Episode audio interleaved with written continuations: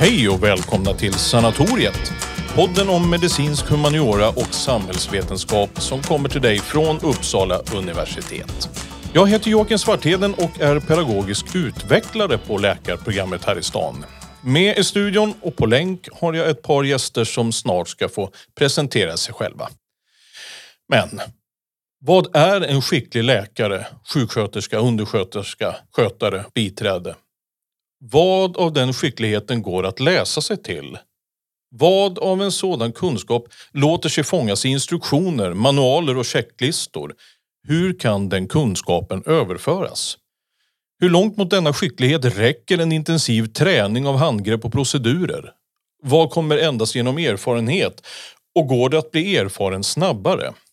Och hur bedömer vi huruvida en person besitter den skickligheten och kan betros att examineras, eventuellt legitimeras och närma sig en patient? På 70-talet genomfördes på olika håll försök med att översätta yrkeskunnande till programspråk. Tanken var helt enkelt att den artificiella intelligensen skulle kunna ersätta den mänskliga på samma sätt som industrirobotars handgrepp övertagit mänskligt arbete. I Sverige drabbade detta, om vi får använda det uttrycket, bland annat skogmästare och handläggare på Försäkringskassan. Som vi berört vid tidigare avsnitt av sanatoriet misslyckades dessa försök. De tillfrågade var inte sällan svepande och rent av irriterande i sina beskrivningar på vad man gjorde, när och varför i sin yrkesutövning.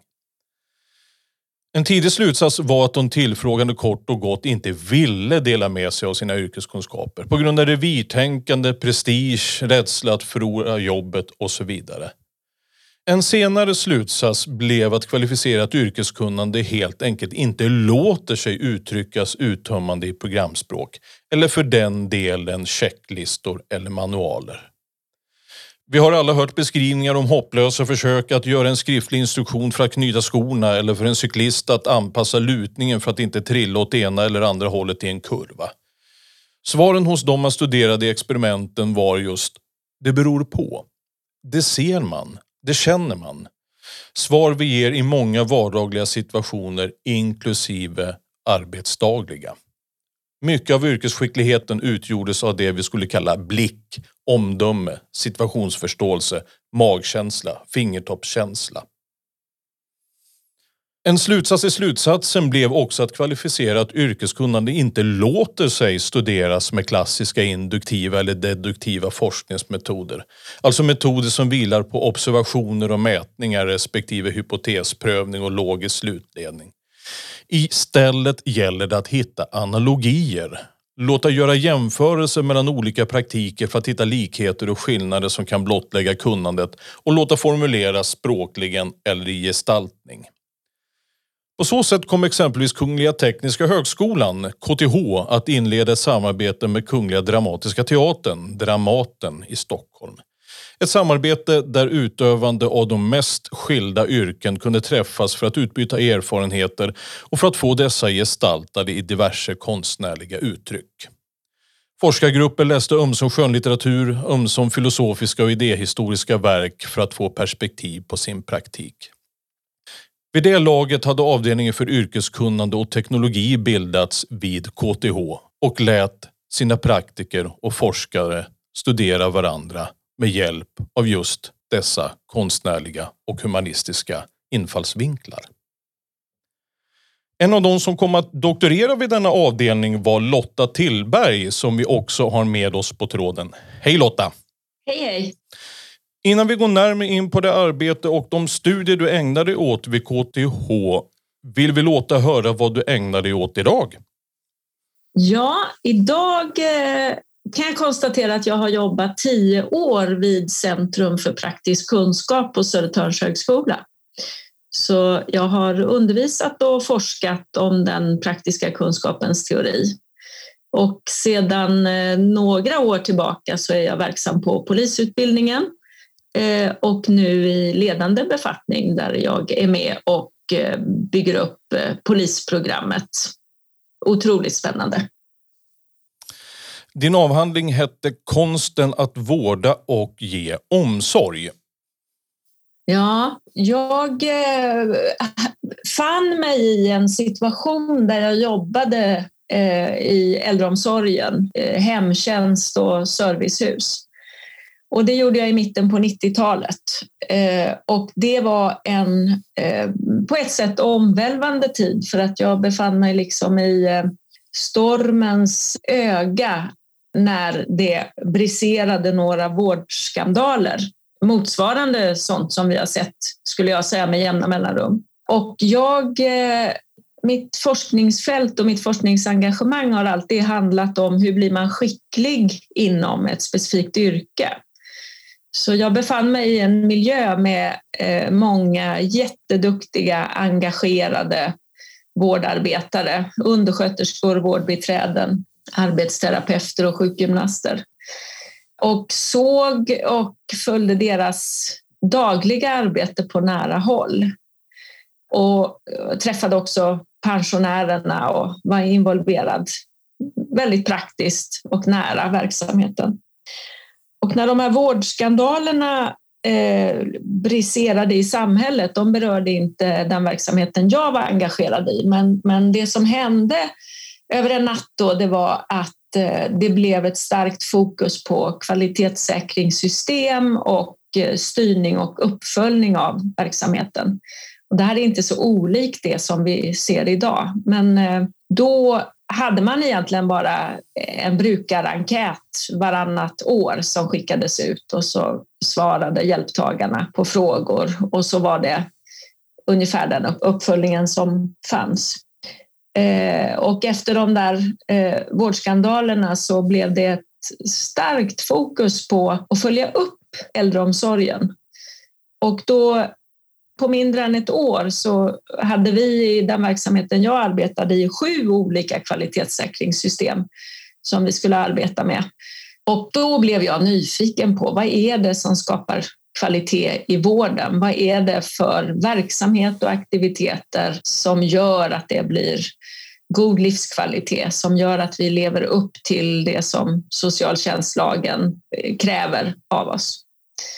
Och då var min observation att de där systemen vi blev ålagda att arbeta i fokuserade på en sorts kunskapsform. Men det som verkligen gjorde skillnad i vardagen, det var andra kunskapsformer som inte riktigt fick plats i systemen. Och där uppstod mitt forskningsintresse. Det gjorde att jag blev tvungen att eh, försöka förstå vad är det för yrkeskunnande som en skicklig vårdarbetare använder sig av i mötet med äldre patienter. Skulle du kunna berätta för oss om Gulvor? ja, jag arbetade ju som jag sa tillsammans med många otroligt skickliga vårdbiträden och eh, Gulvor var en av dem. Det är inte en fiktiv person utan det var någon som jag hade förmånen att jobba nära med. Och hon var en sån där som hade blick för arbetet, eh, som kunde hantera de knepigaste situationerna som man kunde skicka in där andra hade misslyckats och inte kommit till eh, och få göra insatser, till exempel hemma hos äldre. Och hon eh, kunde se och eh, lirka sig fram till bra lösningar. Och hon blev en viktig person och det arbetet hon gjorde blev liksom en källa till kunskap för mig.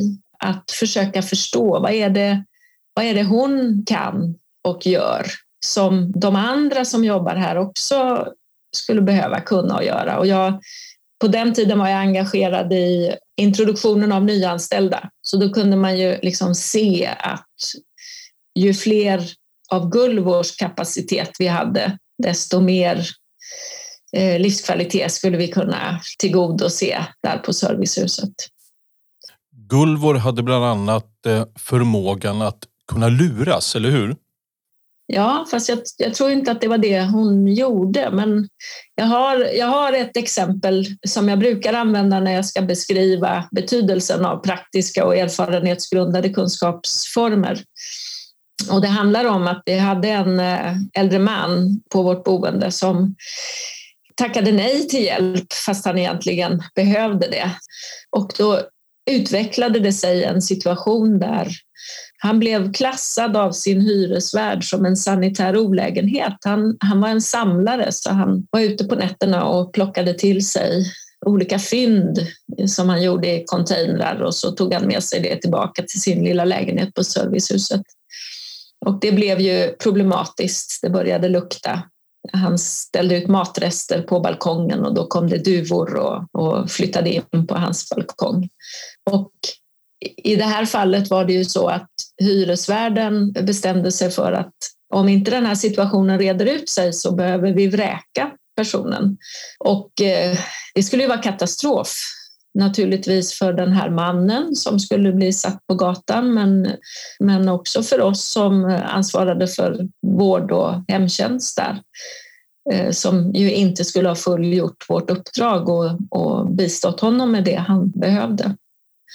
Och då var Gulvor en sån som jag tänkte, kan hon hjälpa till här? Vi hade haft flera personer och jag hade också pratat med den här mannen och försökt motivera honom att ta emot hjälp. Och eh, Eh, som en sista liksom, nöd, nödlösning så skickade jag dit Gulvor och tänkte att det där kommer förmodligen aldrig att lyckas ändå. Men eh, några timmar senare efter det där så mötte jag den här mannen i korridoren. Och då var han plötsligt nyduschad och vattenkammad och luktade gott. Och han hade till och med en vit skjorta på sig som var struken. Mm. Och han hälsade på mig i korridoren och sa att nu ska jag gå till kaffestunden med de andra pensionärerna här på servicehuset. Och det var något han aldrig hade gjort tidigare. Han hade inte engagerat sig i några sociala aktiviteter. Och min observation då var att vad är, vad är det som har hänt här? På bara en kort stund så har den här personen inte blivit tvångsduschad, för det kan det inte vara frågan om, utan någonting har hänt som har skapat en förhöjd livskänsla som får honom att vilja uppsöka socialt umgänge. Nej, men då blev, jag blev ju väldigt eh, nyfiken på vad var det Gulvor hade gjort där i den där lägenheten. Hur hade hon ens kommit innanför dörren? Och eh, jag tänkte ju då att om, om jag kunde få syn på det där, om jag kunde få grepp om det, det kunnandet som jag förstod fanns hos henne så skulle jag ju kunna liksom hitta vägar att överföra det till de nyanställda personerna. Så jag intervjuade Gulvor. Det skulle vara ett ett bra sätt att få, få håll på vad hon hade gjort. Så jag frågade du i mötet nu med, med Kjell som såg glad ut och skulle gå och fika med de andra, vad var det du gjorde? Och då sa hon först att ja, du vet, man får eh, skoja till det lite, man får ha glimten i ögat.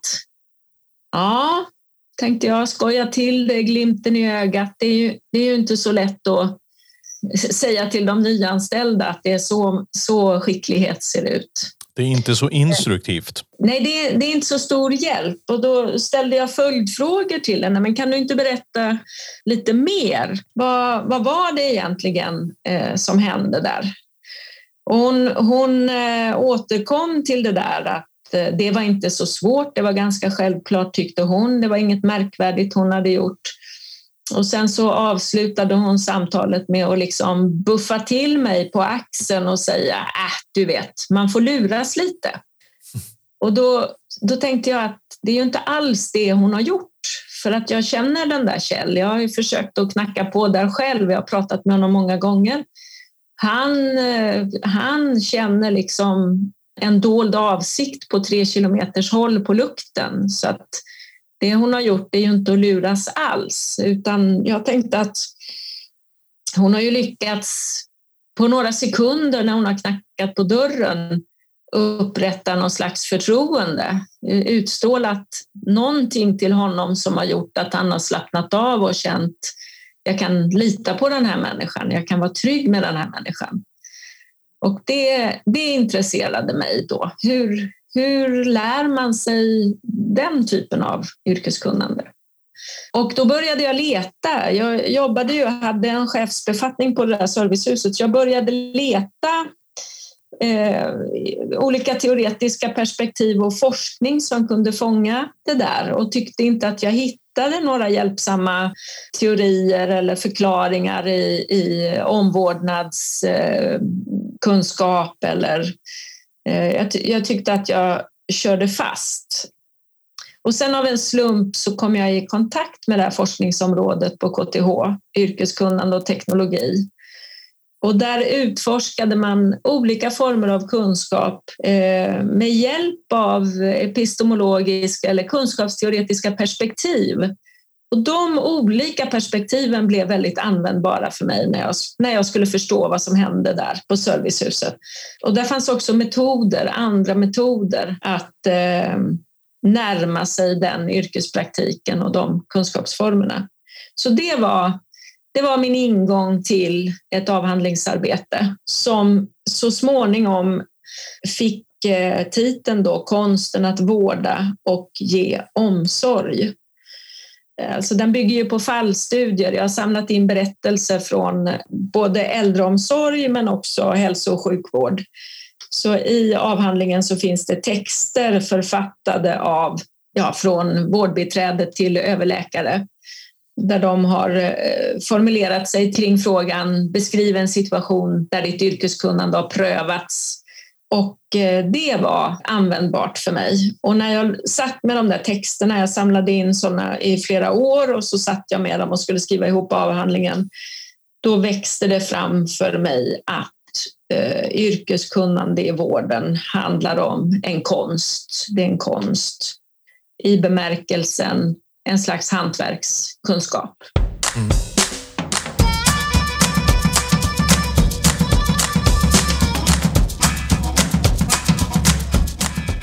Om vi då håller kvar i detta med vård som konst. Man brukar ju säga att man kan inte tävla i musik. Man kan inte tävla i konst heller. Det är bedömningssporter allihopa. Och lika fullt så är vi naturligtvis beroende av att få luta oss mot dessa bedömningar. Och en av dem som ska utbilda och bedöma läkarstudenter är Tryggve Neveus som sitter mitt emot mig här i studion i Segerstedthuset. Hej Tryggve! Hej! Du är pediatriker, alltså barnläkare och lektor i pediatrik vid Uppsala universitet. Mm. Skulle du vilja berätta något om dina dagar som kliniker, lärare och forskare? Ja, det kanske till och med kan vara en poäng att ta min bakgrund även om den inte är särskilt spektakulär. Jag hörde ju till de här duktiga eleverna i grundskolan och högstadiet och gymnasiet som eh, hade ganska omogna motiv till varför jag sökte läkarlinjen. Det var helt enkelt för att jag hade bra betyg. Sen gjorde jag diverse konstruktioner för mig själv om att ja, men det är både humaniora och, och naturvetenskap samtidigt. Ja. fullständigt sant, men det var inte därför jag sökte det. Jag sökte för att jag hade höga betyg. Sen blev det inte så tokigt ändå. Men jag har känt igen det där hos många av mina kursare och nu hos många av mina studenter. Att mm. eh, de har tagit sig dit jag säger inte att det är fel, för det blir bra för mig, det blir bra för de flesta av dem också, men på ett ganska omoget sätt och eh, de får med sig då ett ganska omoget sätt att tänka på hur man bedömer eh, sina kunskaper och sin yrkesskicklighet. Det går efter, efter betyg på olika sätt och det översätts ju då till tentor.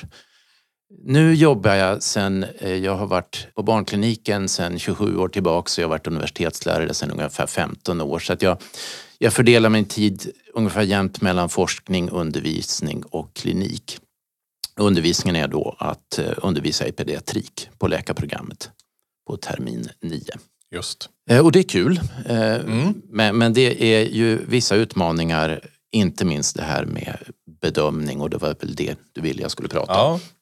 Eh, och det är ju det här att ett av huvudproblemen jag ser, för det första jag ser ju ett väldigt eh, skevt urval och det är lätt att vara bra lärare till läkarstudenter i termin 9. Mm. För alla har läshuvud och alla är motiverade och alla har studievana och, och, och sådana där saker. Mm.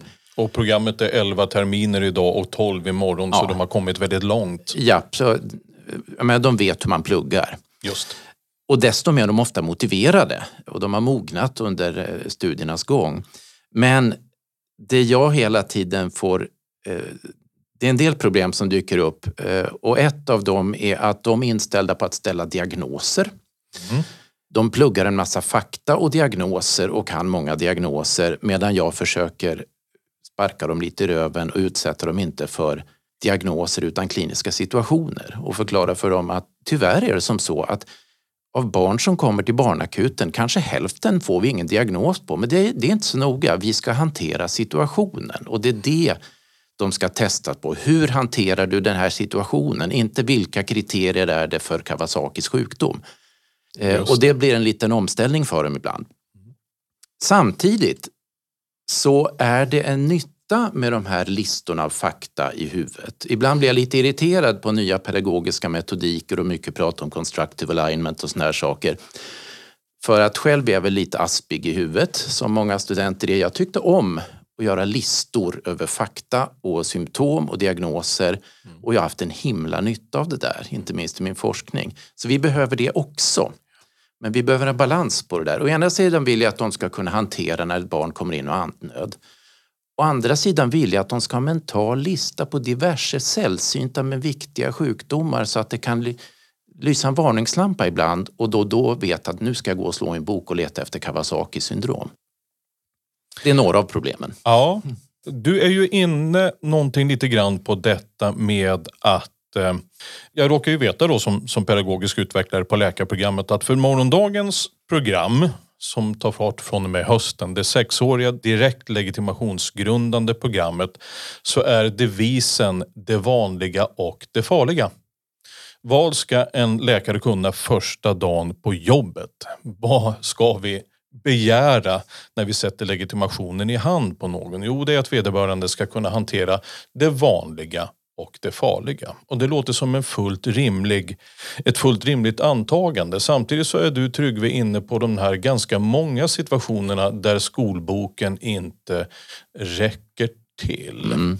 Vad skulle du säga är för kvalitet som läkarstudenten behöver utveckla för att vara myndig att hantera det vanliga och det farliga men också ha en beredskap för det övriga? Om jag kan uttrycka det så. Ja, det är flera kvaliteter och, delvis sånt som, som Lotta berört faktiskt. Men, men, att de ska kunna hantera den spretiga kliniska verkligheten och förstå att naturen skiter i läroboken. Mm. Och det är frustrerande för studenterna. Man, man, det slår mig ibland man är på en röntgenrond eller något sånt där och då och då så utbrister man själv eller någon kollega. Men det här är ju ett skolboksexempel på nutcracker syndrome eller vad det nu är. Yeah. Och så tänker man efter, ja det är ju undantagsfallen som är skolboksexempel. Ja. Och resten av patienterna måste vi också ta hand om och det här är väldigt frustrerande för studenterna och det försöker vi göra dem beredda på på olika sätt. Man kan ta det närmast matematiskt. Om vi tänker, jag jobbar med barns urinvägar. Om det kommer ett barn med en njurbäckeninflammation, alltså en urinvägsinfektion som har gått upp till njurarna, så är det finns inga formella kriterier men vad vi lär ut det som är att det är typ fyra saker man ska titta efter. Barnet ska ha feber som inte förklaras av förkylning eller något sånt där. Det ska ha ett förhöjt CRP-värde, det blodprov som vi ibland kallar för snabbsänkan. Det ska ha ett urinprov som man ser direkt att det är vita blodkroppar i urinen och det ska ha bakterieväxt i urinen sen. Fyra kriterier som var och en säkert är sant hos ungefär 90 procent av de barn som har njurbäckeninflammation. kan man köra i matematik. 0,9 gånger 0,9 gånger 0,9 gånger 0,9 och det innebär att det är kanske bara drygt hälften av barnen med njurbäckeninflammation som uppfyller dessa kriterier. Mm. Och då är vi inte så hjälpta av läroböckerna och vi är inte så hjälpta av våra fina vårdprogram heller med alla rutor och pilar och grejer. Patienterna hamnar i två rutor på en gång eller mittemellan två rutor eller mittemellan två vårdprogram till och med. Mm. Och lik förbannat måste vi göra studenterna beredda att hantera även dem. Och det kan vara både frustrerande och kul. Mm. När du då ska närma dig den kunskapen hos studenten, alltså huruvida studenten faktiskt uppvisar den förmågan och den kunskapen. Om vi tar något så basalt som att utforma ett skriftligt prov, en tentamen. Eh, och en del av skrivningarna sker som flervalstentor, alltså multiple choice questions, MCQ. Hur skapar man frågor av A, B, C och D-karaktär som, som på ett relevant sätt fångar en students kunskap och kunnande? Oh, men det går hyfsat. Jag, jag var mm. skeptisk mm. till en början men det går att göra rätt bra även med skriftliga tentor. Vi kommer inte ifrån de skriftliga tentorna. Eh, men, men det går att utforma, inte minst multiple choice-frågor med att det är fallbaserat hela tiden. Man, man, beskriver ett fall och då plockar man det som om det vore verkligheten, inte skolboksfall. Mm. Och så ska studenten då ofta fråga bara i slutet på frågan, vad gör du? Inte vad är det för diagnos, vad gör du? Och så finns det A, B, C, D och ett alternativ är rättast. Mm. Och då går det alltså att bedöma även eh, kliniskt vett och förmåga att sålla bort red herrings från väsentliga fakta och sådana här saker. Mm. Det går hyfsat. Ja. Det här med red herrings är ett väldigt intressant eh, begrepp eller fenomen som jag vet att du har uppehållit dig vid när du faktiskt konstruerar dina kunskapstest. Kan du utveckla det lite? Ja, för det första har jag förstått på mina studenter att red herrings det är ett sånt här medelålders begrepp som man alla inte vet vad det är. Mm. Alltså falska ledtrådar. Ja. Det ska man lägga in i sina fall mm. och studenterna vet inte vad det är som är red herrings och vad det är som är väsentligt. Och vi har olika övningar. Dels har vi det i de vanliga eh, frågorna men dels har vi de fall, den fallbaserade undervisningen. Där har vi, har vi utvecklat eh, en, en ny variant på problembaserat lärande där första momentet studenten får, i, får läsa ett fall, spretigt fall med många ord och sen så ska de kort sammanfatta detta som om det vore en jourrapport på morgonen för kollegorna. Och då är det bråttom och då ska man komma till saken och inte för det är nästa problem. De har varit så tränade under utbildningen, på goda grunder, att vara så kompletta hela tiden. Skriva jättelånga utförliga journalanteckningar och såna här saker.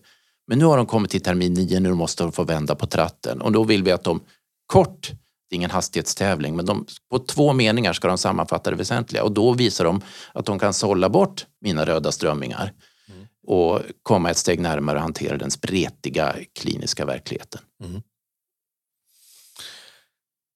Om vi då säger att studenten faktiskt klarar av tentan och till och med med glans. Spets kan man inte få på våra utbildningar men ändå. Och det är med, bra. Ja, det, det, det, är vi, vi är två åtminstone här i studion om att tycka det. Om vi då säger att eh, man är i mål med tentan. Vad ska till för att du då ska underkänna en student? På tentan är det ju lätt. Ja. Där har man ju satt kriterier och, och sånt. Men sen har vi ju problemet med att det finns ju studenter som klarar tentan men verkar olämpliga för jobbet i alla fall. Ja. Och där är mycket svårare. Vi har ju mm. dels praktiskt prov som ingår. Där är problemet att det är jädrigt svårt att köra någon på det. Man är ju så snäll. Jag ser till ja. mig själv, det gör ont att liksom köra någon på det. Mm. Men det måste vi få göra, visst, och det händer att vi gör. Men sen är det kliniska placeringen, alltså verksamhetsförlagda utbildningen. Där måste man kunna få underkänt också. Mm. Och det gör vi för sällan. Ja. Och det illustrerades delvis av ett fall vi hade för några år sedan när jag var studierektor på vår institution så jag blev involverad fast det inte var pediatriken, det var obstetriken, gynekologin. Och då var det en student som helt uppenbart, han kunde inte möta blicken, han tar, vände ryggen till de födande kvinnorna och liksom, han liksom funkade inte i samarbetet. Nej. Men där fann vi att nej, vi måste underkänna den här studenten. Och det tog ju hus i helvete. Mm. Det är ju lättare att vara arg än ledsen. Ja. Så han blev skitförbannad och det, han kopplade in olika ombudsmän och såna här saker. Det var jättejobbigt för alla involverade och vi måste vara väldigt noggranna med vad har du missat? Men jag måste få noggranna listor från alla kliniska handledare och såna det, det var väldigt apparat kring det hela. Det väckte mycket känslor och det var skitjobbigt. Mm. Sen tack och lov finns det en, en lite mera solskensavslutning på historien. Han, han fick sen då handledning av eh, en av våra kliniska lärare på gynekologin, en klok äldre kvinna, varje fredag. Mm. Och sen fick han en ny två veckors klinisk placering på ett annat sjukhus. Och han var ju fortfarande lite kantig i umgänget och såna här mm. saker. Men han hade fått i sig någon slags mental checklista. Eh, som han tänkte, ja jag ska möta blicken, ja jag ska inte vända ryggen, ja jag ska. Och han fixade det. Och det var mm. okej. Okay. Liksom, ja. Det var okej okay att godkänna honom. Mm. Det här blev lite väckarklocka för mig på olika sätt. Dels, jag, det är fortfarande jobbigt att göra det här, men dels det, det illustrerar också att studenter som verkar för tokiga för att kunna fixa det här, mm. de kan ändå få den där mentala checklistan och då kan de funka ganska bra. Mm. Eh, så det är inte kört. Nej. Alltså det finns olika sätt att ändå utveckla den här konsten att vårda och ge omsorg. Ja, och att bli en gullvor blir man inte. Det, det, måste vara något medfött också. Men att bli fungerande och sen får man välja olika situationer, olika specialiteter inom läkaryrket till exempel som har olika krav på en. Eh, men det går ändå att utveckla vissa delar. Vissa delar är medfödda, vissa går att utveckla. Och vi kan ge lite knep mm. och förebilder.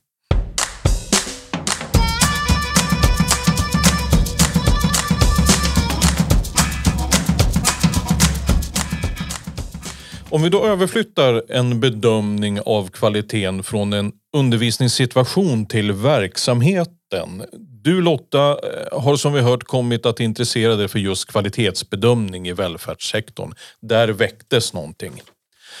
Du har bland annat utkommit med en bok som heter just Kvalitetsjakten om professionalitet i välfärden. Nej, men jag tänker det är ju jätteintressant Tryggve det ni pratar om. Eh, jag måste bara få säga det. Mm. Eh, och det slår mig också att jag pratar ju om äldreomsorg. Det är ju de som liksom har minst formell utbildning och läkarstudenten har ju liksom längst kanske. Mm, extremformer. Och ändå liksom verksamma i samma typ av möten med människor. Nej, men kvalitetsjakten eh, det blev ju en fortsättning på arbetet som jag gjorde i, i avhandlingen för att där, där eh, bestämde jag mig ju för att skriva fram vad, är det, vad innebär då det här yrkeskunnandet eh, där man kan hantera problematiska situationer här och nu på studs eh, med kort varsel, gripa in och göra en klok bedömning. Vad är det som liksom samspelar och ska till? i kvalitetsjakten där vidgade vi liksom fallstudierna så att där finns det också texter av yrkesverksamma eh, men inte bara inom vård och omsorg då, utan här finns även andra välfärdsyrken med och skriver. Poliser, eh, chefer, eh, skolan, förskola, lärare och så vidare eh, som liksom är en vidgning av avhandlingsarbetet och se på betydelsen av praktiska och erfarenhetsgrundade kunskapsformer. Och de här texterna lagda tillsammans visar att sådana här styrsystem som vi använder oss av eller uppföljningsmetoder som ofta är kvantitativt konstruerade tappar viktiga dimensioner av det som spelar roll när kvalitet ska avgöras. Eh, och den beskriver också problematiken kring det, att när fokus för ensidigt riktas mot det som är mätbart och synligt för ögat eh, så försvinner andra dimensioner som är nog så viktiga. Vad förlorar vi eller riskerar vi att förlora när vi blir för metriska? Jag tänker att idag är jag ju så glad för jag befinner mig ju nu på polisutbildningen. Mm. Och här, här har vi ju den fantastiska liksom, möjligheten att både utbilda i praktiskt polisiärt arbete. Eh, vi har ju sådana ämnen, vi har övningsmiljöer här och vi har otroligt duktiga polislärare som konstruerar för våra polisstudenter liksom verklighetsnära situationer. Mm. Så vi kan kombinera de här tentamina och polislagen och liksom det som är fast och beständigt med att sen få öva med figuranter eller liksom sättas i olika stressfulla situationer och, och försöka reda ut det. Så det är en bra möjlighet som vi har på polisprogrammet idag. Men jag vill också säga att det är ju inte ett antingen eller. Det finns ju liksom en stark trend idag att kritisera det, det mätbara och uppföljningssystemen. Eh, och jag, jag tänker mig att det är klart att vi måste ha grepp om våra verksamheter. Det är klart vi måste ha koll på hur används eh, resurserna i de skattefinansierade verksamheterna. Eh, så för mig är det inte ett antingen eller, men när det blir slagsida åt liksom det alltför kvantitativa så riskerar ju, skulle jag säga, de eh, erfarenhetsbaserade kunskapsformerna att ställas åt sidan eller missförstås Eh, och, och, inte få den plats eh, som de ändå behöver ha i ett utbildningssammanhang till exempel. Och det är olyckligt. Det måste finnas med att kunskap också är personlig och det, det kan man inte eliminera. Det går inte att bortse ifrån att det är bundet till en viss person. Och det som är utmaningen för oss som engagerar oss i de här professionsutbildningarna, det är att vi måste förstå och utveckla system och metoder som också stödjer eh, den erfarenhetsgrundade kunskapsutvecklingen. För annars är ju konsekvenserna, tänker jag, att det kommer ut människor som eh, inte förstår att läsa av den här mål att arbeta i ett välfärdsyrke är ju att ständigt befinna sig i en målkonflikt. Att ständigt behöva prioritera mellan liksom vad är viktigast just nu? Vad är överordnade principer? Eller hur ska jag välja i den här situationen? Polisstudenterna som är ute på aspiranttjänstgöring eh, och kommer tillbaka till skolan eh, beskriver ju att de ofta hamnar i situationer där alla val är dåliga. Mm. De måste ingripa, men liksom ing, inget av det de kan göra är en direkt framgång. Men de måste ändå göra någonting. Eh, och där behöver man eh, liksom ständigt bedriva eh, ett pedagogiskt utvecklingsarbete som tar hänsyn till det. Att den personliga erfarenheten, den personliga kunskapsutvecklingen har betydelse. Ja, det där är ju ett problem. Jag håller fullständigt med om vad du säger. Eh, men ett problem är ju också hur man mäter det dåligt mätbara och då blir det lite beroende på intervjuaren och sådana saker. Nu är inte jag alls expert på det här, men det är väl som med anställningsintervjuer. Det är väl visat att det är ungefär det man ska gå efter minst när man anställer någon så är det intervjun. För då får man psykopaterna som är bra på skärmen och bra på intervju. Ja, ja. Det, det, är kanske inte riktigt applicerbart, men det är svårt det här. Hur mäter man personligt kunnande eller mäter, hur bedömer man det som inte går att mäta i en tenta? Det måste bedömas och det måste vara väsentligt. Mm. Och det går inte bara att gå på track record heller, för någon måste ju få komma in i det hela ja. också. Jag vet inte hur man löser det, det vet nog du bättre Lotta än jag. Men jag kastar mig in Joakim. Jag tänker att du beskrev ju jag tänker att i professionerna finns det ju mycket kunskap. Om jag tittar på vad som händer i det huset som jag sitter i nu, när eh, polisstudenterna tränar polisiär konflikthantering, det vill säga de ska fysiskt visa hur de läser av en situation, hur de griper in mot någon som är våldsam eller utgör ett hot. Eller vi, vi konstruerar ju sådana situationer.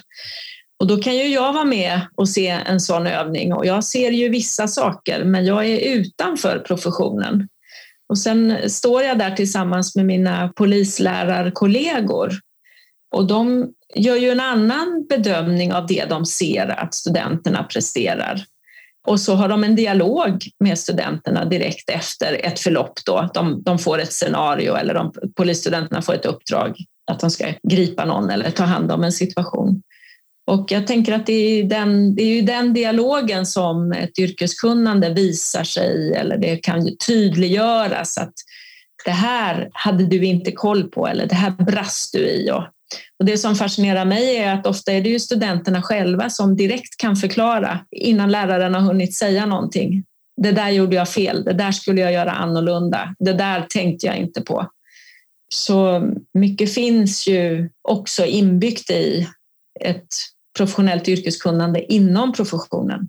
Jag tänker lite grann, det är kanske så man ska förbättra våra praktiska prov för läkarstudenterna innan eh, vi som läkare som har tittat på eh, bedömer om studenten eh, gjorde bra eller inte så ber man studenten själv säga vad kändes bra, vad kändes dåligt och de som då inte märkte det som vi tycker var uppenbart, eh, de åker ju dit.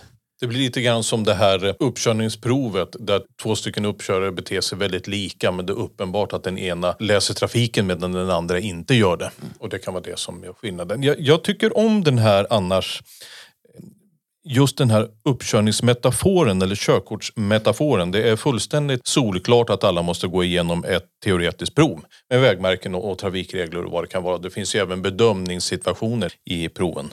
Men ingen skulle vara beredd att utfärda ett körkort till en som bara har gjort det bra från sig på ett skriftligt prov. Är det inte så i Japan? Ja, det får jag faktiskt låta vara tror man, man får okommenterat. inte köra ut i trafiken förrän man har gjort, skaffa körkort. Ja, okej. Eh, Så man kör på På, övningsbanor. på eller? övningsbanor och alltihopa. Ja, Ja, stickspår. nåväl, det är självklart att det måste vara ett praktiskt prov. Och som inte bara går ut på handgrepp utan som faktiskt går ut på att uppträda i trafiken. Återigen kunna hantera en situation och en uppkommen situation. Och jag tror också att det är ganska okontroversiellt att man faktiskt litar på inspektören. Vi räknar med att den ska vara en kvalificerad yrkesutövare och göra mogna bedömanden och vi, vi tror att vederbörande kan få göra det just utifrån allmänna bedömanden och inte bara checklistor. Även om man kanske måste motivera eh, det utifrån någon slags eh, checklista sedan. Den metaforen skulle vara överföringsbar mer till våra yrken. Att vi tillerkänner att det måste vara teoretiska prov men att det aldrig räcker utan det måste vara någon form av situationshantering och att den alltid kommer att vara en bedömningssport eh, på samma vis som en uppkörning är. Ja. Ja, Ja. jag, ja, jag inser att jag ställde en ja, ja Du och ställde en lång fråga fick ett kort svar. Ja, jag, och det var ju formulerat som en ja och, och, och nej-fråga. Men, men, men kan det utvecklas något? Jo, alltså vi fångar inte allting med betygskriterier när det handlar om sådana här yrkesmässiga saker. Nej. Vi kan ha hjälp av dem, men ibland så blir de nästan en tvångströja som eh, över en viss gräns så stjälper de mer än de hjälper. Den erfarne yrkespersonen som är då bedömare måste ha möjlighet att säga att nej, jag tycker inte det här blev ett bra patientmöte. Även om det kanske uppfyllde de kriterierna. Det, så då, då istället problemet så kan det vara en elak bedömare som gamla professorn Erik Ask Uppmark i Uppsala som, som var, var huggade alla brunögda eller något sånt. Eller alla kvinnor framförallt. Och mm. Rättssäkerheten blir problematisk där men då måste man få möjlighet att byta bedömare. Men det finns ju regelverk för. Men det måste få vara något sånt och i sådana yrken som vi sitter här och pratar om måste det kunna komma in. Vi kommer inte ifrån det. Nej. Jag har eh, ett annat perspektiv på det där. Om jag tänker på polisutbildningen så har ju vi liksom de polislärarna som är här och eh, utbildar blivande studenter. De utbildar ju väldigt konkret sina framtida kollegor. Mm. Vilket gör att eh, man, man är inte betjänt av att vara snäll vid sådana där examinationer utan snarare uppfattar jag att alla är införstådda med att här är det på riktigt, här är det på allvar. Och eh, blir man underkänd så, vilket man blir, eh, liksom hellre att eh, skapa det där incitamentet för att träna sig extra, att göra om det en gång till för att bli riktigt vass på det man behöver hantera. Så det, det är en annan variant på det. det. Här blir det väldigt konkret att om några år så kan jag hamna i en situation där den här kollegan liksom, är jag beroende av. Och det tänker jag är en slags fördel. På läkarprogrammet borde vi tänka mer så, mer än vi gör nu. För att det är våra framtida kollegor och vi borde ha lättare för att underkänna dem. Men det är svårt eh, av skäl som jag delvis kom in på tidigare.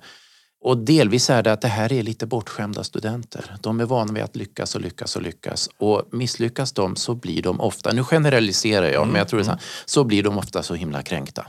Ja. Och det gör att man drar sig för att underkänna. Framförallt när det görs såna här saker som handlar om folks personlighet. Det är ju liksom kränkande och extra då för de som är så himla lyckade hela tiden. Jag vet jag själv skulle reagera att jag är en lyckad student och så. Men jag blev underkänd på något praktiskt prov. Fan vad det skulle kännas jobbigt. Men det ska, vi måste hitta ett sätt så det inte känns lika jobbigt.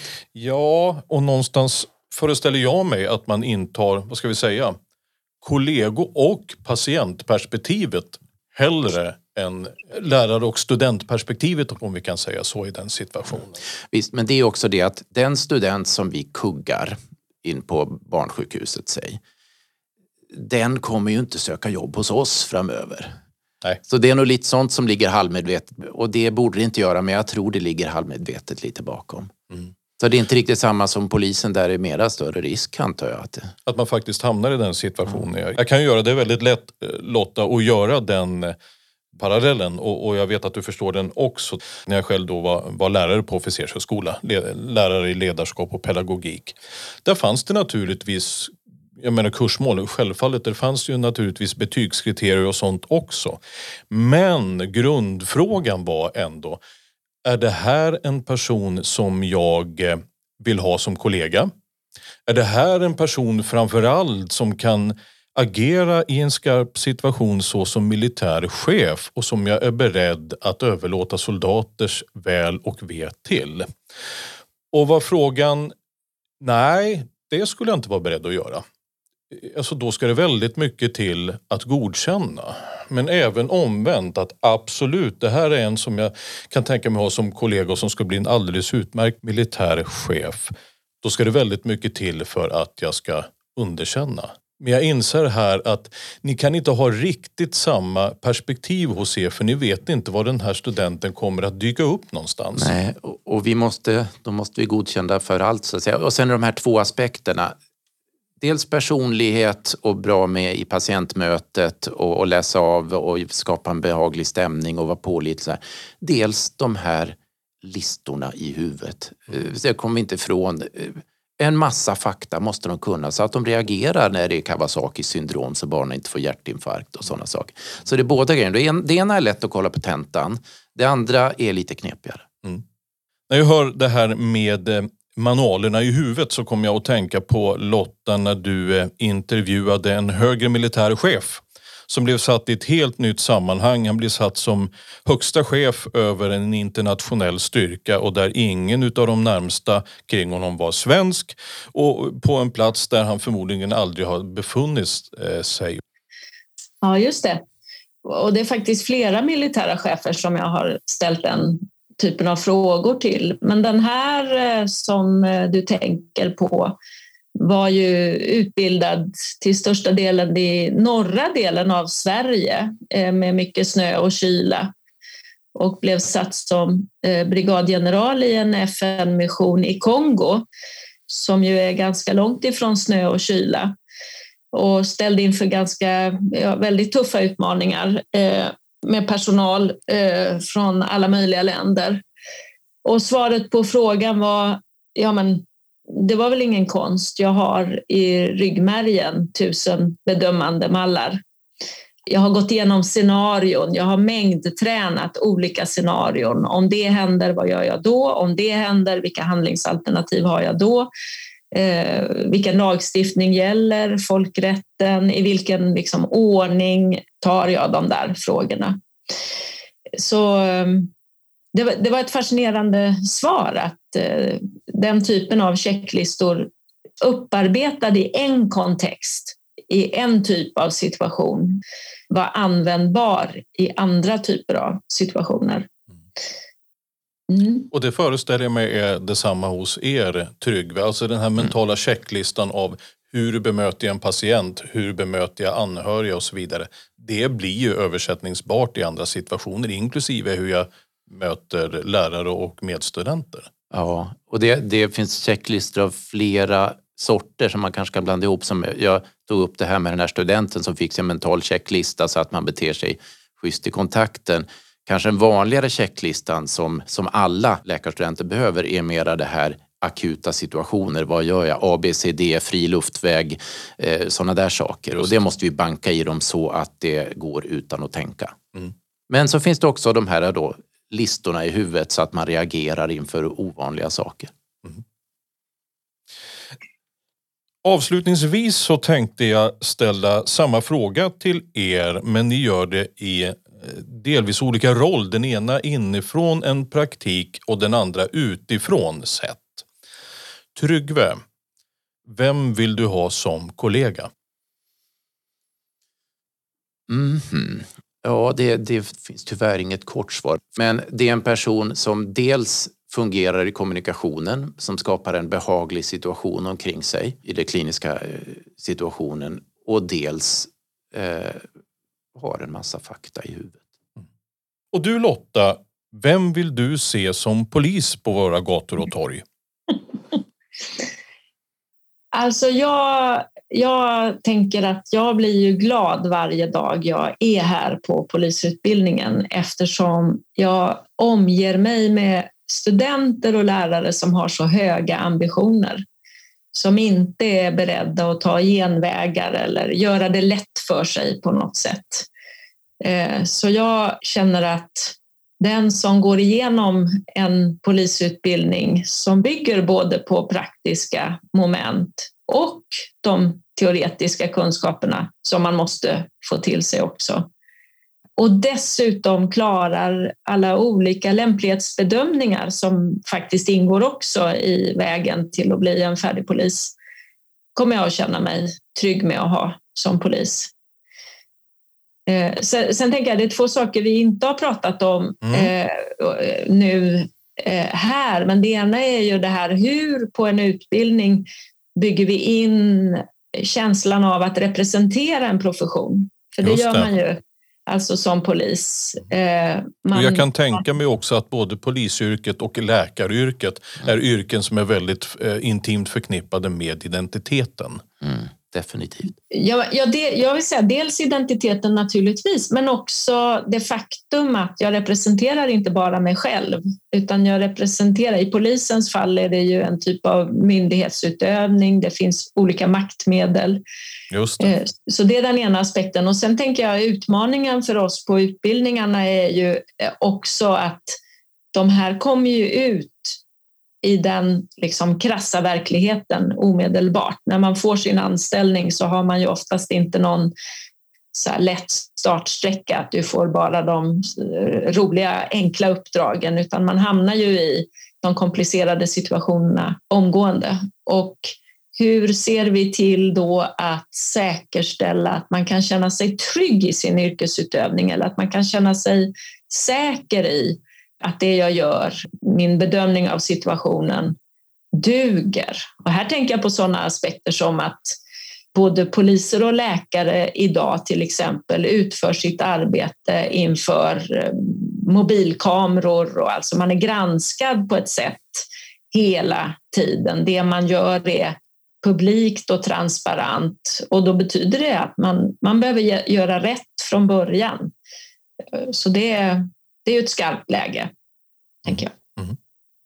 Du har lyssnat till ännu ett avsnitt av Sanatoriet. Podden om medicinsk humaniora och samhällsvetenskap signerat Uppsala universitet. Jag säger ett stort, stort tack till dagens gäster. Lotta Tillberg och Tryggve Nebeus. Tack själv. Tack så mycket.